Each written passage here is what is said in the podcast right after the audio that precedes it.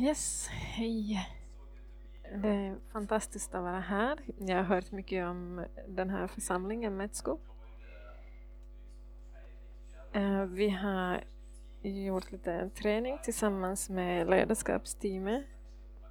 Men det här är första gången som jag besöker den här församlingen så det är riktigt bra. Jag har också varit på det här lägret i Camp Metsko. Eh, och jag har träffat många av era vänner som nu är mina vänner också. Och jag har varit där tillsammans med min familj. Det har varit välsignade dagar. Och före det så kom vi hit på onsdag och vi var tillsammans med Miriam och Stefan där uppe i skogarna. Jag kom aldrig hit till centrum så jag tänkte att, att och både liksom bara skog. Men jag insåg att okej, okay, det finns ett centrum också så det är fantastiskt att vara här. Tack ska ni ha. Jag heter Kjartan Sörhem. Jag är norsk. Men jag förstår att min norska är så dålig så jag måste det på engelska istället. Stefan sa att snälla predika på engelska. Så det kommer jag göra. Jag ska göra mitt bästa. Kort om mig själv. Jag är 44 år gammal. Är gift med Eirin. Jag har tre barn som just nu är på lägre och, och njuter av, tillsammans med andra barn från här, den här församlingen. Och vi lever och vi tjänar i Stavanger i västkusten av Norge. Vi är en del av, av ledarskapsteamet i, och pastorteamet i vår församling.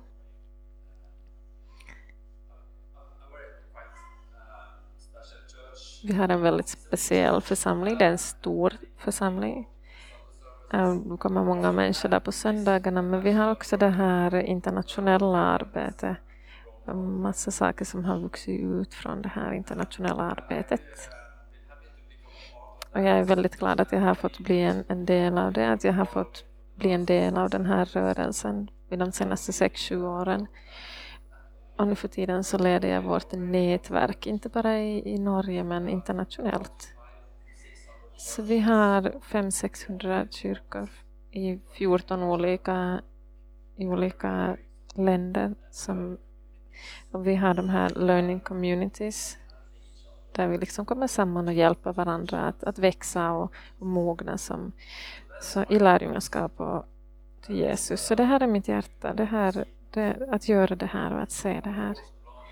Och såklart så längtar jag också efter att, att det här ska bli en del i mitt eget liv. Jag har också en, en bakgrund. Um, ja, kanske ni har hört det här, jag kan inte hjälpa det. Men jag pratade lite om, om Thailand och, och Asien och vad som hände där. Jag var en missionär där förut, jag levde där i sex år med min familj. Och nu besöker jag det väldigt ofta och, och, gör, och arbetar där i Thailand. Så det här är också en del av min bakgrund.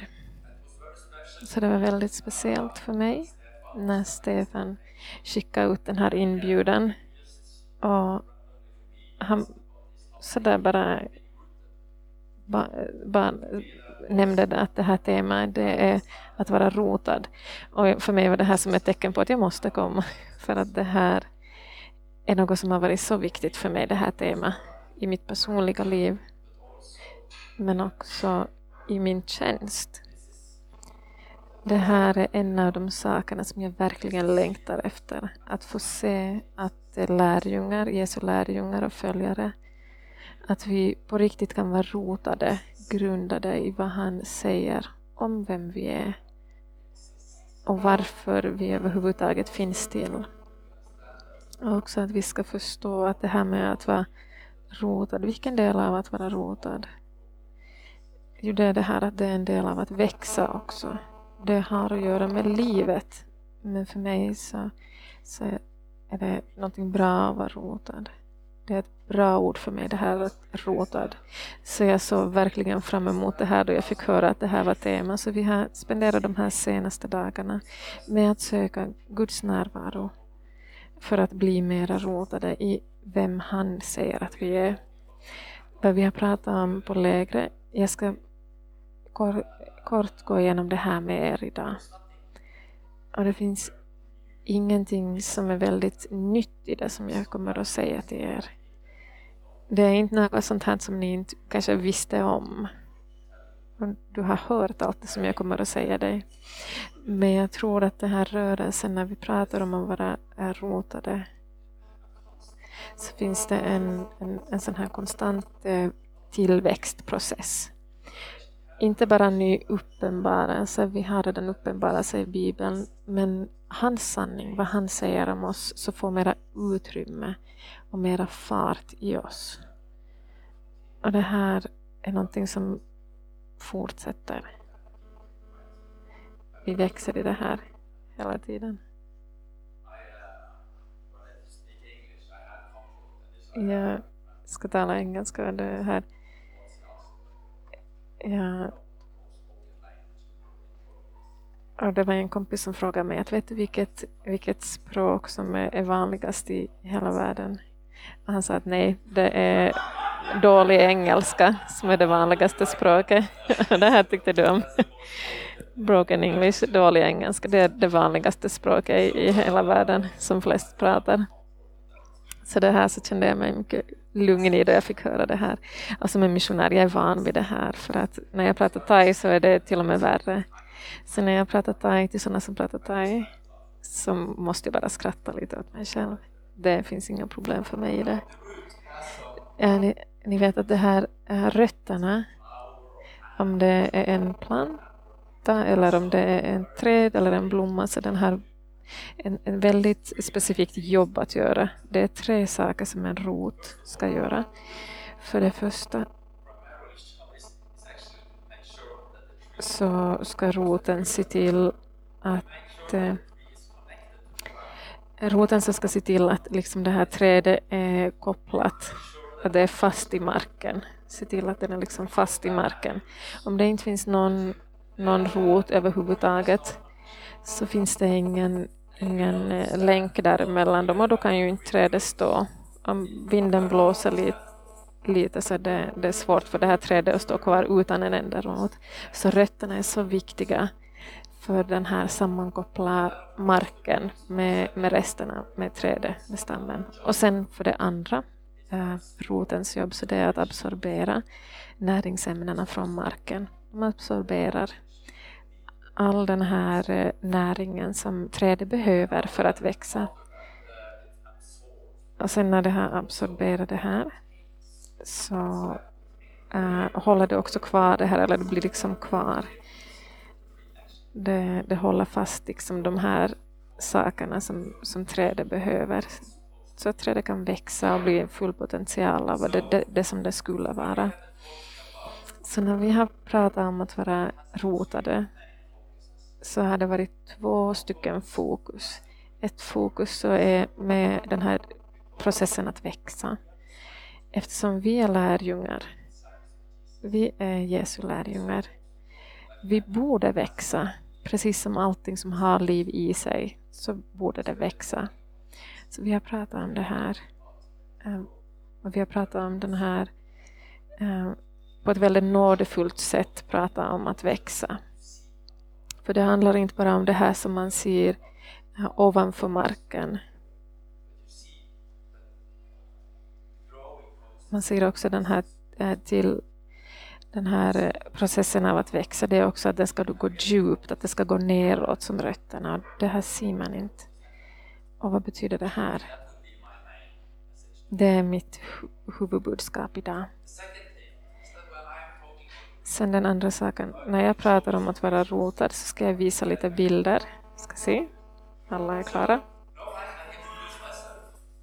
Så jag har presenterat mig själv och när jag presenterar mig själv så säger jag många saker.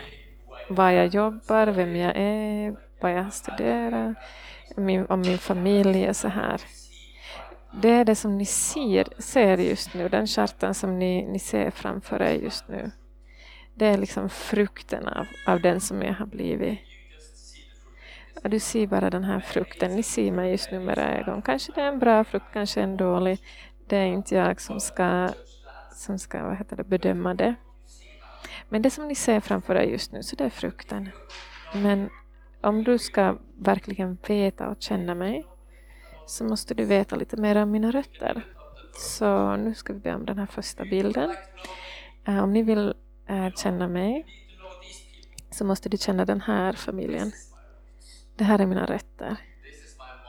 Det här är min mamma, min pappa där uppe i hörnet, bröder och systrar, eh, fastrar och mostrar och kusiner.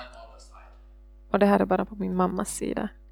Det är kring 30 personer där på bilderna och det här är de som har gjort mig till den som jag är. Det här är de människorna som är så nära till mig idag.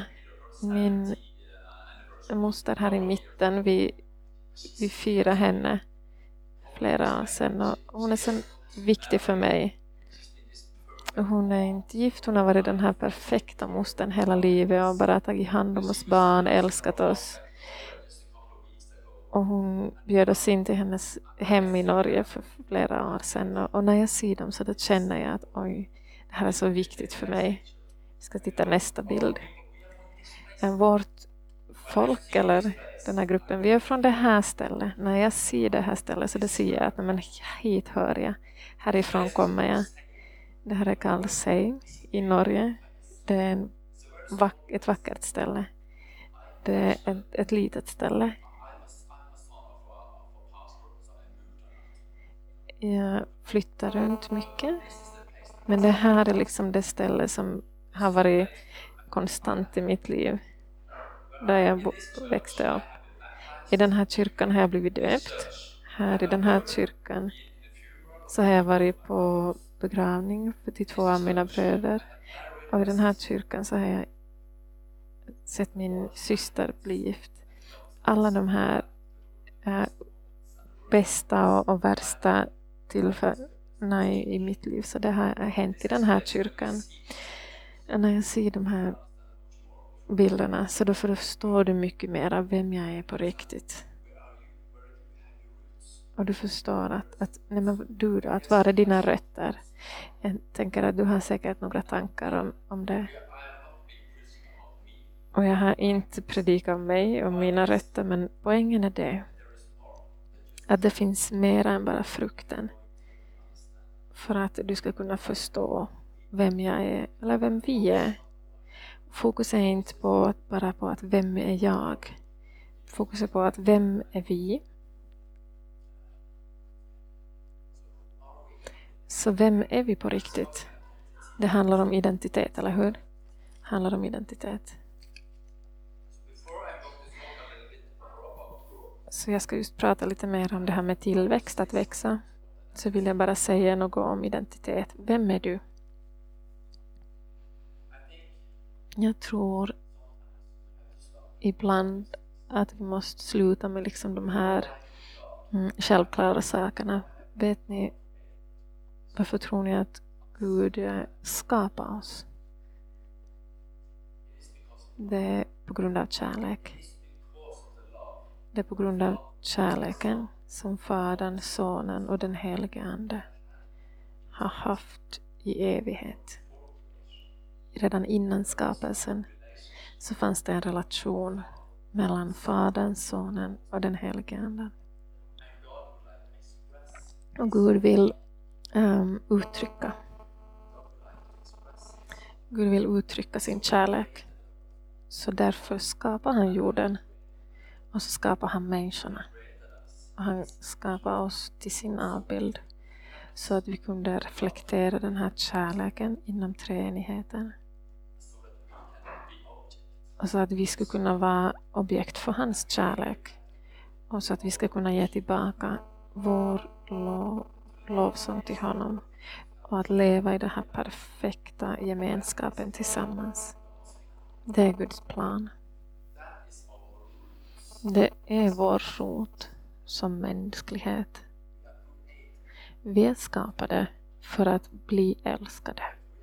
Vi är skapade för att älska varandra som Fadern älskar Sonen så borde vi också älska varandra för att reflektera den här eh, skönheten i hans kärlek. Det är så viktigt att vi förstår det här. Och vi vet det här. det här är liksom inget chockerande nytt för oss att Gud är kärlek, att vi är skapade i hans avbild. Men har du någonsin stannat upp och på riktigt gått djupt i det här och frågat honom att bara ta dig in i den här intimiteten som han riktigt vill, vill ta dig in i. Att han älskar dig så mycket. Att han var beredd att ge sin son som han har älskat för evigheten, skicka ner honom till jorden för att upprätta det som han hade skapat. För det var det här det var. Det gjorde han. Han skickade sin son för att upprätta den här gemenskapen som människan förstörde. Bara på grund av, av eh, kompassion och kärlek. Uppoffrande kärlek. Och jag tror att det här är någonting vi har också pratat om relationer. Att relationer är egentligen vår identitet. Så handlar det om att leva i relation med andra. Och som en kyrka, vår identitet som kyrka. Och våra rötter som kyrka. Den här kyrkan, eller Imi-kyrkan, det vill säga eh, Guds rike som kyrka. Vi borde gå djupt ner och förstå att våra rötter, vår identitet som kyrka, det handlar inte så mycket om organiseringen eller till vilken samfund man tillhör, utan det handlar om gemenskap. Vi är kallade att leva och reflektera hans gemenskap. I Agenda 1 vad vi gör över världen i den här rörelsen. Det här är liksom vår vårt budskap, att hjälpa kyrkor att komma tillbaka till det här grundliga och inse att det handlar bara om honom och det handlar bara om gemenskap. Vi pratar förstås mycket om, om Gud som frälsare men också om Jesus som en, en modell, en förebild och se hur han lever ut den här relationen i tre olika riktningar. I Mali, vi, som sagt vi jobbar i många länder i Europa så tycker vi om att ha en riktigt, riktigt tjock manual på det som vi undervisar om. Men så har vi också lärt oss eh, att vi måste jobba på olika sätt i olika kulturer och det hjälper oss att förstå varför är det så att folk vill vara en del av det som vi gör. För det har inte egentligen med oss att göra. Men jag tror att det här är liksom det här hur man uttrycker det. Så den här stora tjocka, stora tjocka manualen, så det här kommer ner till det här. Han håller nu en trätriangel i, sitt, i sin hand. Så vi ser att den här triangeln den har tre olika riktningar.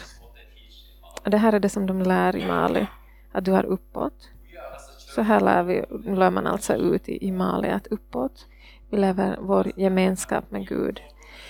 Och sen har vi ett hörn som vi kallas för in, det vill säga relation med varandra i församlingen. Och sen har vi ett ut, utdel av triangeln. Vi ska leva i vårt samhälle, ut ur kyrkan. Vi är, lever mitt i ett samhälle, vi har stora höghus här runt omkring oss. Och jag planterar det här mitt i och kunna ha det här utflödet, för vi ska vara ute i samhället, precis som Jesus var. Jesus var inte så oroad över att bygga, någon, bygga en organisation, att organisera sina lärjungar. Men han älskar att investera i relationer. Jesus gick upp till bergen och bad till Fadern bara för att vara ensam med honom. Eh, eller så gick Jesus och umgicks tillsammans med, med sina lärjungar och han gick omkring med dem, tog tid med dem. Och sen så var han alltid, alltid driven av, av den här kärleken, uppoffrande kärleken, passionen. Han stannade liksom för, för människan, han stannade för folket. Sån här var Jesus. Och vi måste förstå att det här, det är liksom roten till våldförsamlingen. Det är en, det är en rörelse av människor som ska leva i, leva i gemenskap i de här olika riktningarna, upp, in och ut. Så det här är delar av våra rötter, det här är, är djupa saker som på riktigt måste hitta sin plats i oss. Och på lägre, vi kan inte göra det här men på lägret så har vi använt mycket tid för att eh, praktisera eller försöka förstå det här som vi har förstått, försöka få ner det till hjärtat, från huvudet ner till hjärtat. Att vi har stannat upp och, och öppnat oss för de här olika sanningarna som man har lär, lärt oss, som Gud har lärt oss. Jag glömde att titta på klockan då jag började. Men hur länge får jag predika?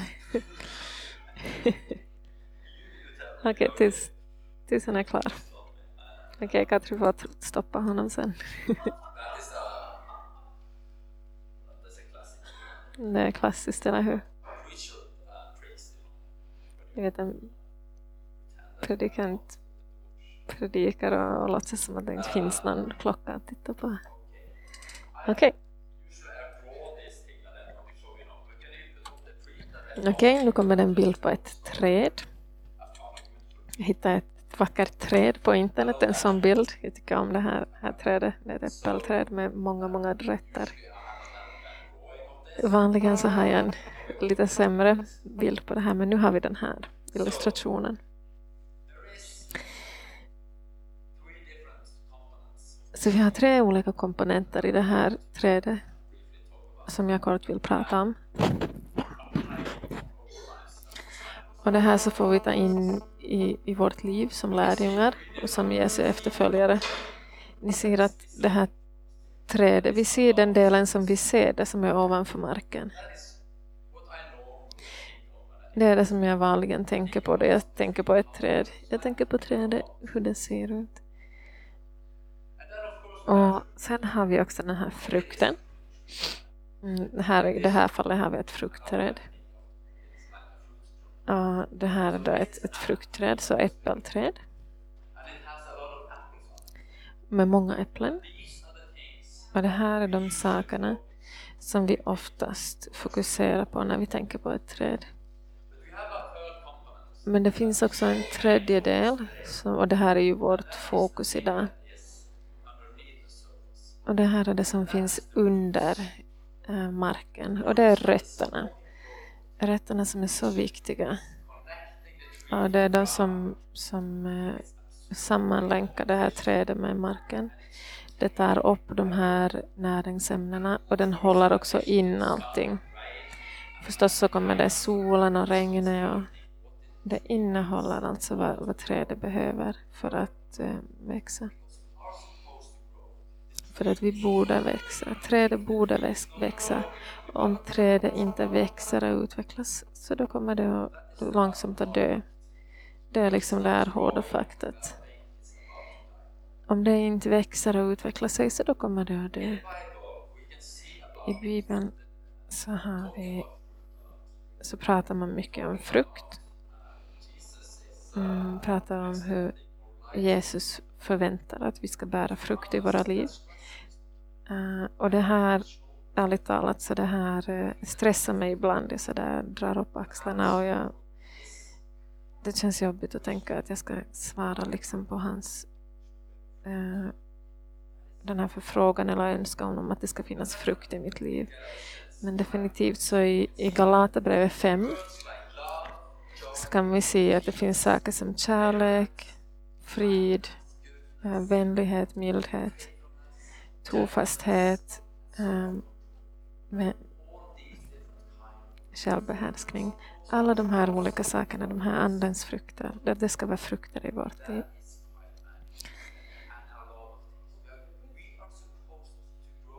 Vi borde alltså växa och bli mer som honom. Min poäng är att när vi fokuserar på det här och vi tänker på frukten Så då kan vi inte fokusera endast på den här frukten. Vi behöver fokusera på vad vi kan göra.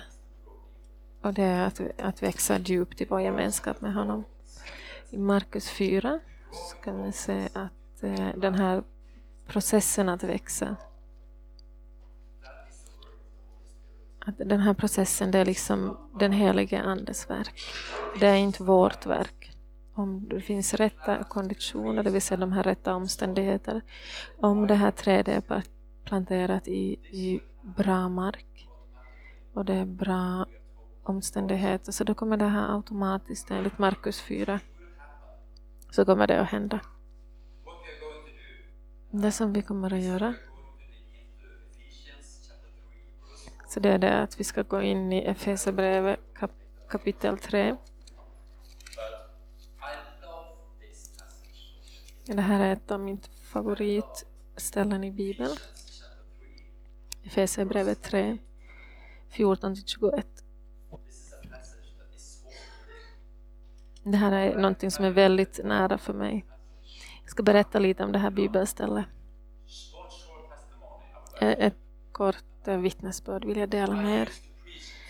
Jag brukar, jag brukar undervisa om eh, det här trädet, hur det var grundat i, i kärleken i, i många liv, i, länge. Och, men jag levde inte själv i det och jag var själv ett dåligt exempel på det här.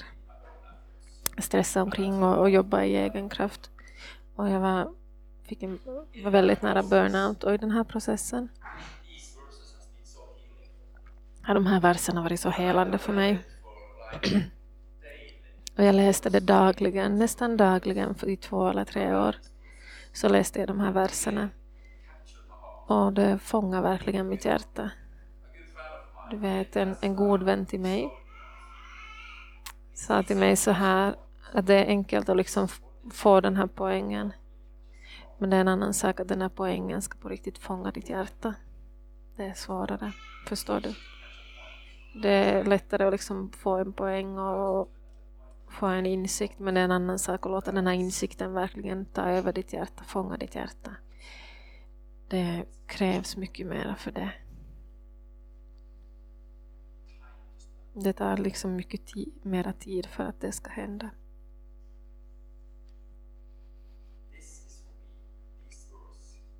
De här verserna är till mig det är liksom nyckeln för att förstå att också i, när vi växer som lärjungar så det kommer liksom från hans nåd och hans kraft. Jag kan inte vänta mig att ett träd som jag planterade igår, jag kan inte vänta mig att det ska bära frukt imorgon, det är omöjligt. Jag måste först plantera det väldigt försiktigt. Så måste jag ta hand om det. Och så måste jag se till att de här förhållandena är rätta. Att det finns tillräckligt med näring. Att det här klimatet är, är lämpligt. Först som en baby, jag träffade just en baby här tre eller fyra veckor gammal. Jag kan inte vänta er att, att den här lilla babyn ska vara en ledare för den här församlingen idag, nu. Det är inte möjligt. Men ändå, just nu så är den där tillsammans med mamman. Det är det som vi ska ge åt bebisarna.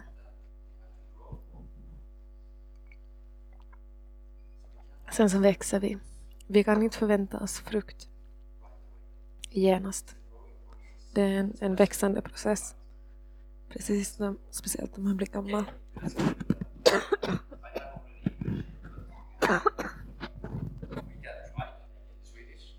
Jag kan försöka läsa det på svenska. När han läser på engelska, det är inte möjligt, ursäkta. Vi tar de två första verserna först.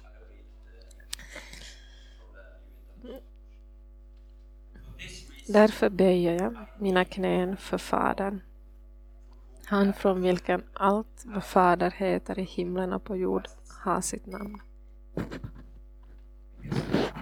Och här så kan vi bara stanna. här är vår rot. Det här är verkligen någonting djupt i våra liv. För när Paul, Paulus ber så här för Efesierna, Efesierna så böjer han knä inte bara inför Fadern som är allsmäktig utan han böjer knä för sin fader. han för vilken allt som allt vad far heter i himmel och på jord. Så det här är liksom det namn som man har gett oss, det här konceptet av familj. När du föreställer dig din familj, när jag föreställer min familj i Norge, så är jag så lycklig för att jag har den här stora familjen som ger mig så mycket kärlek. Jag var så lycklig i livet på grund av det och jag vet. Men för mig, så det här konceptet av den här familjen det här, det här sättet som, som eh, Paulus vände sig till Fadern.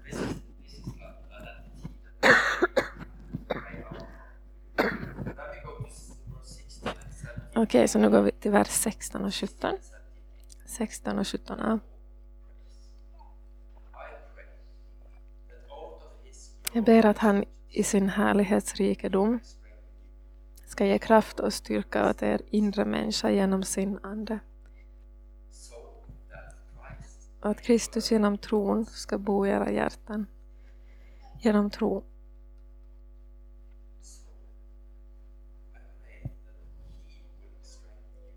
Så jag ber att han ska styrka er. Vår inre människa genom sin kraft. Så två löften här. För det första, han ska ge dig kraften. När vi växer. Så det är inte vår egen kraft. Det är han som gör sitt jobb. Han ska se till att, det, att tillväxt sker. Andra löften. Det här kan man bara ta emot i tro, endast i tro. Genom tron i, i Kristus och hans uppståndelse. Och det här finns till för allihopa som bekänna hans namn.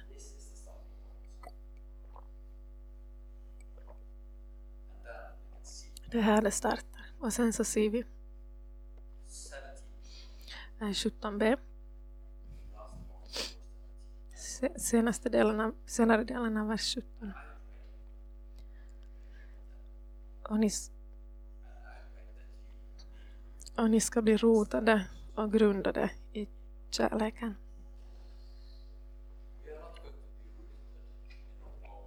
Vi kommer inte att vara rotade i, vår egen, i våra egna försök. Det är den här äh, jorden där vi ska växa ner. Så där är det liksom att förstå den här kärleken av Fadern. Att det här är den här meningen med livet. Han är kärlek. Och hans jordmån, vår kyrka, så ska vara en sån jordmån. Så att om ett, ett träd planteras mitt här så då ska det också kunna växa i den här jordmånen och kunna växa i den här. Det här borde kunna gå djupt ner.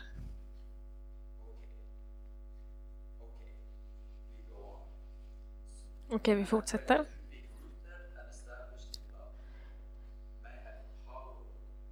Um, och att Kristus genom tron ska bo i era hjärtan och ni ska bli rotade och grundade i kärleken. Ni ska då tillsammans med alla de heliga kunna förstå bredden och längden och höjden och djupet och lära känna Kristi kärlek som går långt utöver vad någon kan förstå så ska ni bli helt uppfyllda av all Guds fullhet. Tror du att det här är möjligt? Att liksom förstå det här, att kunna omfatta det här. Vi är kallade att vara bilder av hans eh, skönhet. Ibland så känner vi att det här blir som en tung börda som vi får på oss över allt det som vi borde vara. Över all den här frukten som borde finnas i våra liv. Jag säger inte här, det är inte så här. Vi borde bära frukt, men det som vi borde göra så det är inte stressa fram den här frukten på något sätt. Utan det är den heliga Ande som gör det här i oss. Men vi ska se till att vårt träd är liksom djupt planterad i hans kärlek. Och att liksom ge utrymme ge rum och ge, eh, äh, säga att det här är viktigt och inse att han älskar oss så mycket. Och utgående från det här, precis som Paulus säger, i styrkan av nåden som du har gett åt oss. Men den här styrkan i, i, i Paulus liv, så det var den här nåden och det var det som förändrade hans liv. Och ibland så känner vi att nej, jag har så lite. Vi har liksom inte så mycket att, att bidra med i den här världen. Det känns lite som att nej, jag är ingenting. Jag kan känna det här. Kanske du känner så ibland. Men i vers 20 jag älskar den här versen. Ursäkta, det är en sak som jag ska säga. Vad gäller vers 18. Ja, en hemlighet i vers 18. Mm. När det står så här att, att vi ska ha kraft i hans kärlek. Så det säger han specifikt att det är liksom tillsammans med alla de heliga. Det är liksom för att samla alla de här heliga. Så att vi verkligen ska se hur, hur underbar hans kärlek är. Det betyder att om jag sitter ensam på mitt rum och frågar liksom bara att Gud att, att uppenbara din kärlek för mig. Han är förstås eh, allsmäktig så han kan göra precis vad han vill. Jag begränsar inte honom. Men en av de här hemligheterna så är att det är liksom mitt i våra relationer med varandra som den här eh, kärleken ska uttryckas. Det är mitt i de här relationerna med varandra som, som Guds kärlek syns. Och mitt eh, privilegium när jag reser omkring olika länder och olika folk, det är det att när jag möter människor det handlar inte bara om att jag går dit och jag ger, jag ger, utan att jag får. Jag får ta emot så mycket.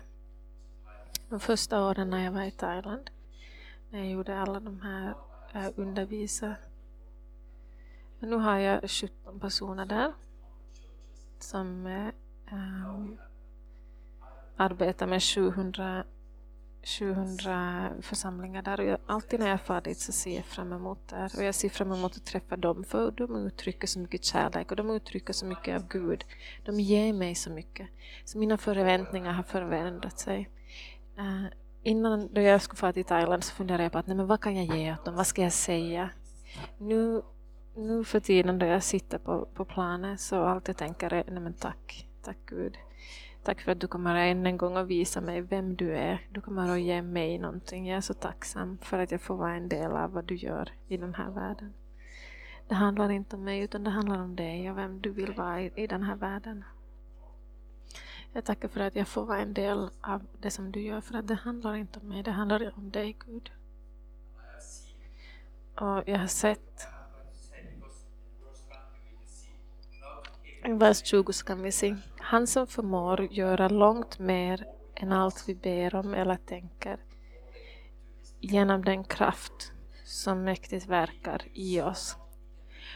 Han kan göra så mycket, så, så mycket um, Mera än det som vi drömmer om. Jag vet inte vad du drömmer om, om de är stora eller små. Men en sak vet jag. Och det är det att han kan göra mera än så. Han är inte begränsad av, av dina drömmar, inte ens det. Han kan göra så många saker. Jag kommer snart att, att avsluta det här med en, en, en kort berättelse först. Här är också från Thailand. Eh, 15 år sedan så träffade jag den här flickan och hon var vår eh, språklärare och hon kände inte till Jesus alls. Det var alltså en ung kvinna från det fattigaste stället i, i Thailand, längst ner i hierarkin. De har sådär väldigt, väldigt eh, klassamhälle hon var då alltså i botten av det här skikten. Och hon fick höra om de här kristna värderingarna, pratade väldigt mycket med oss och i den här ettåriga språkskolan och hon hade så många bra frågor. Så många bra frågor. Och hon ställde de här. Hon var väldigt nyfiken om det här. En gång tog jag henne till kyrkan, till vår kyrka. Och det var en bra kyrka. Men, men på des, den tiden så var det inte ett bra ställe att ta henne. Det var inte en, en bra atmosfär, väldigt legalistisk.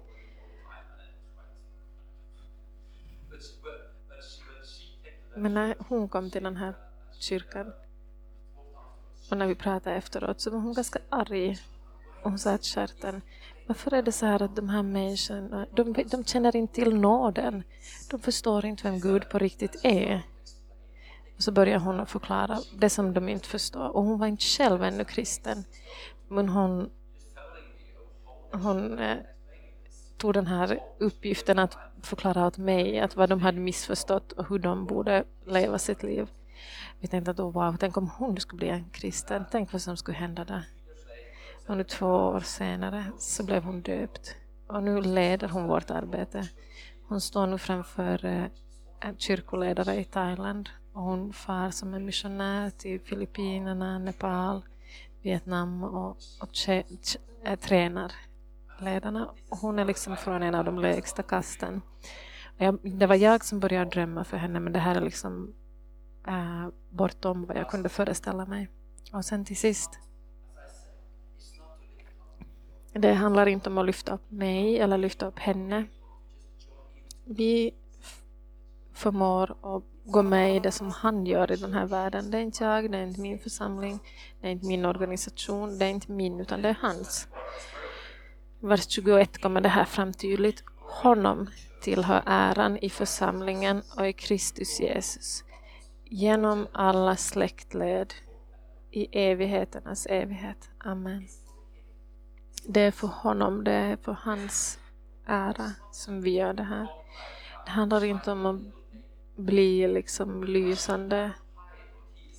Och vi ska aldrig gömma det som han gör i vårt liv. Det är liksom inte samma sak. Och han säger att det är vi som är ljuset. Vi är världens ljus. Vi ska bli mera som honom genom att, att gå ner med honom. Och vårt hjärta ska liksom slå som hans hjärta. Vårt sinne ska tänka hans tankar. Vi blir mera som han. Ju mera vi tar emot av honom. Men det enda som vi kan göra så det är det att vi kan välja att gömma vårt ljus. Och det säger Jesus i Matteus 5. Att gömma inte ljuset. Och vi är ljus. Oavsett om du gömmer det eller inte så är du fortfarande ett ljus. Men jag uppmanar dig att visa det här ljuset till människor. Det kommer inte vara för att, för att lyfta upp dig själv utan bara att visa åt andra vad du har i livet. Jag skulle kunna fortsätta prata om det här hela dagen men jag tror att jag inte kommer att göra det. Är nu klar. Nu är det dags för lovsång. Det som jag vill att vi ska göra idag så det är att lovsånga och tacka honom. Tacka honom för den han är. Det här är hans församling och vi är hans människor och tacka honom för hans kärlek. Hans eh, villighet att, att skapa oss, att han gav sin son för oss för att um, få oss tillbaka till honom. Och efteråt så ska den här de lovsångsteamen få spela för oss. Och så låter vi bara det här sjunka ner. Inte bara det som jag sa utan de här löftena av Gud. Att han älskar dig. Att du är skapad för att vara älskad. också i den här växande processen. Helgelseprocessen liksom rotad i hans kärlek.